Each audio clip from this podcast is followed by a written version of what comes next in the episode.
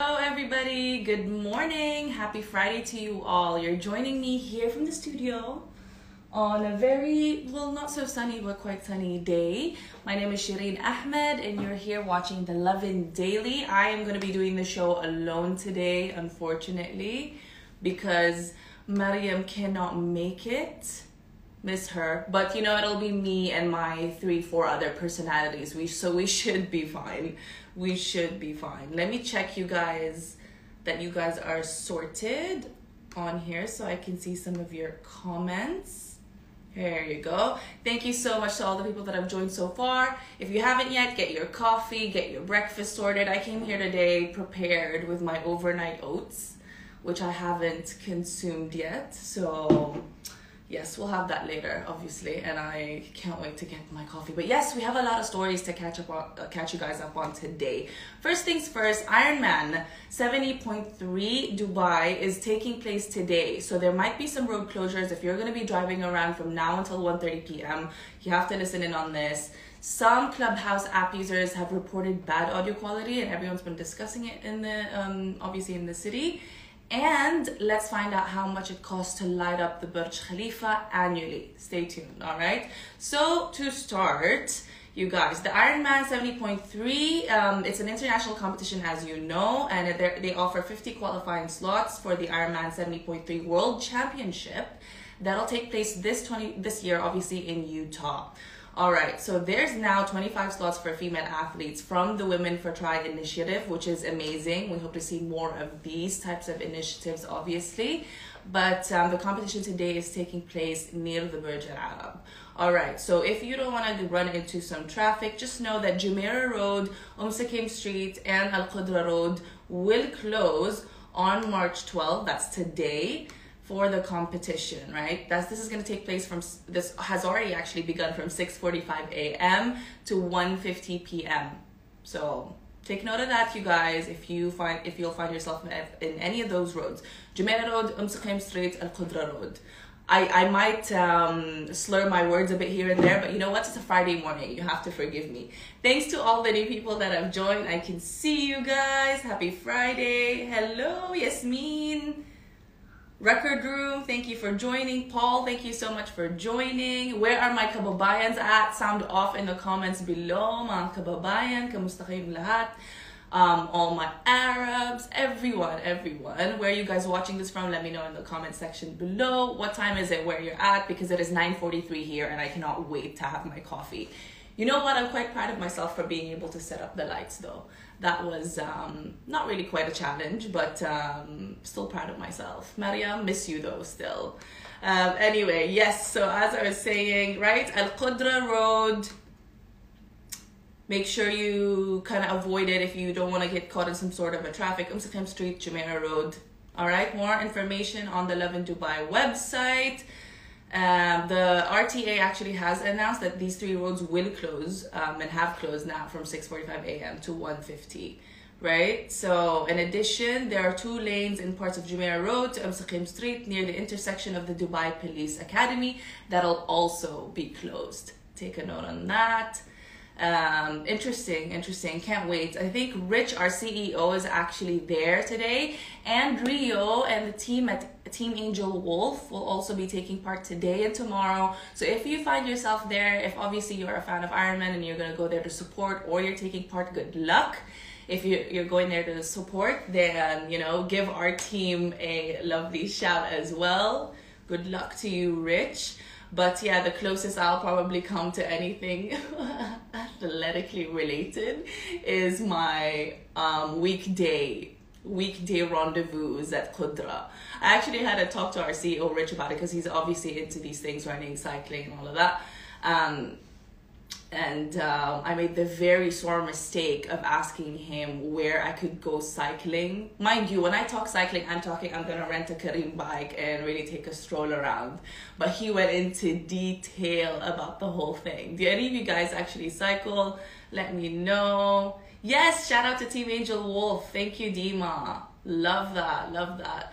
So yes, that is as far as I'd go in terms of um, these things. But hey, you never know. It's actually quite. Um, what I can say though is um, it's quite interesting. And I, I, I actually tweeted about this and thought, is it the same thing the you know the, the the thing that people talk about the runner's high the effect that you get right after running it's kind of the same feeling with cycling i mean i would imagine that it kind of applies for any other um, fitness activities because of the adrenaline rush that you get afterwards right? But i got such an immense feeling of calm right after. And so i think if that if you've been looking for a way to kind of escape the day to day the stress want to be around nature more head to Qudra. They've got some bikes there rented for an hour two hours. There's a Careem bike if you don't want to take the uh, much larger bikes. And just go for a spin I mean, at least before the weather gets completely hot. But my advice is to go at sunset. Me goes twice and acts like I'm a professional.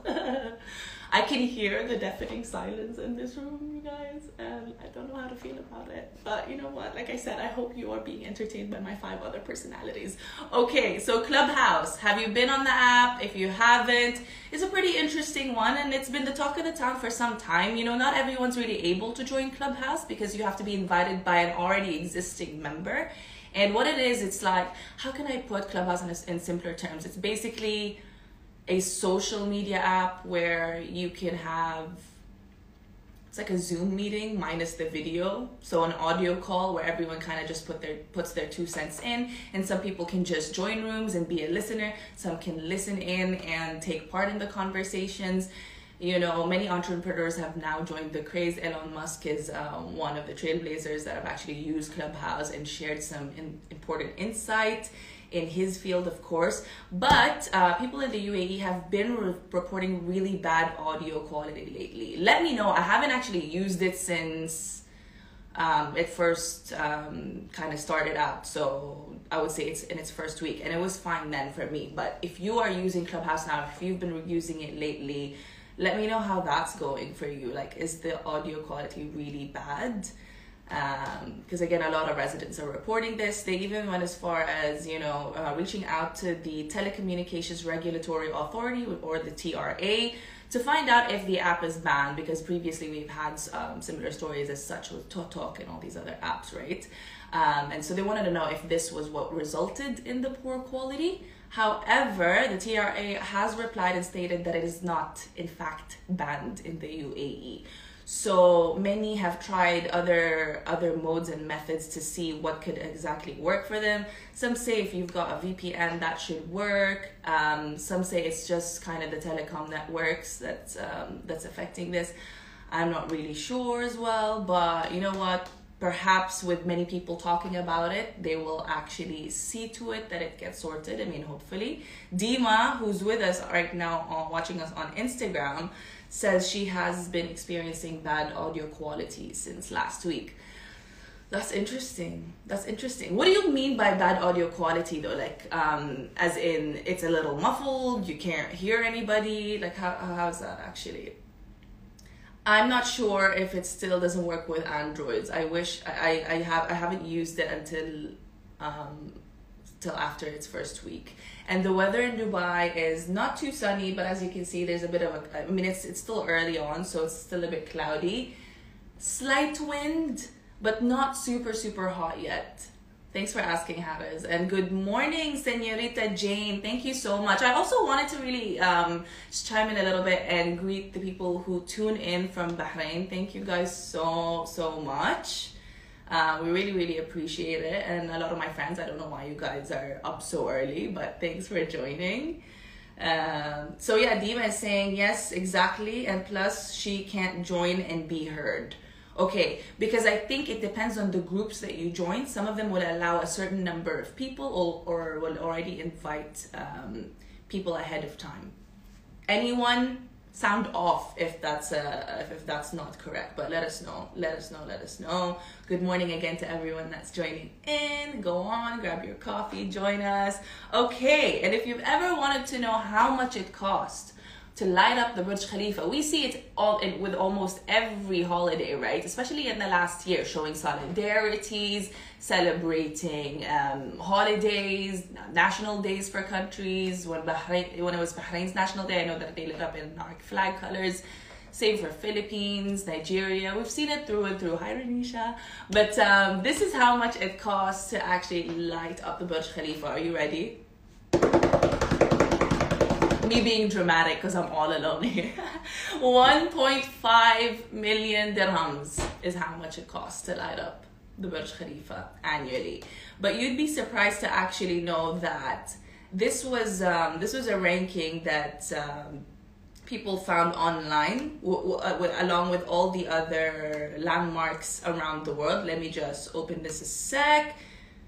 My my page with my notes is gone. Yeah, so but it's not the most expensive if you think about it actually. From a list of the top 10 t- uh, landmarks in the world, uh, you would think that the Burj Khalifa would cost more, but because it has reserves that really um, uses, um, a, in a way, it uses things in a sustainable way. Um, it it doesn't really it doesn't cost as much as the others.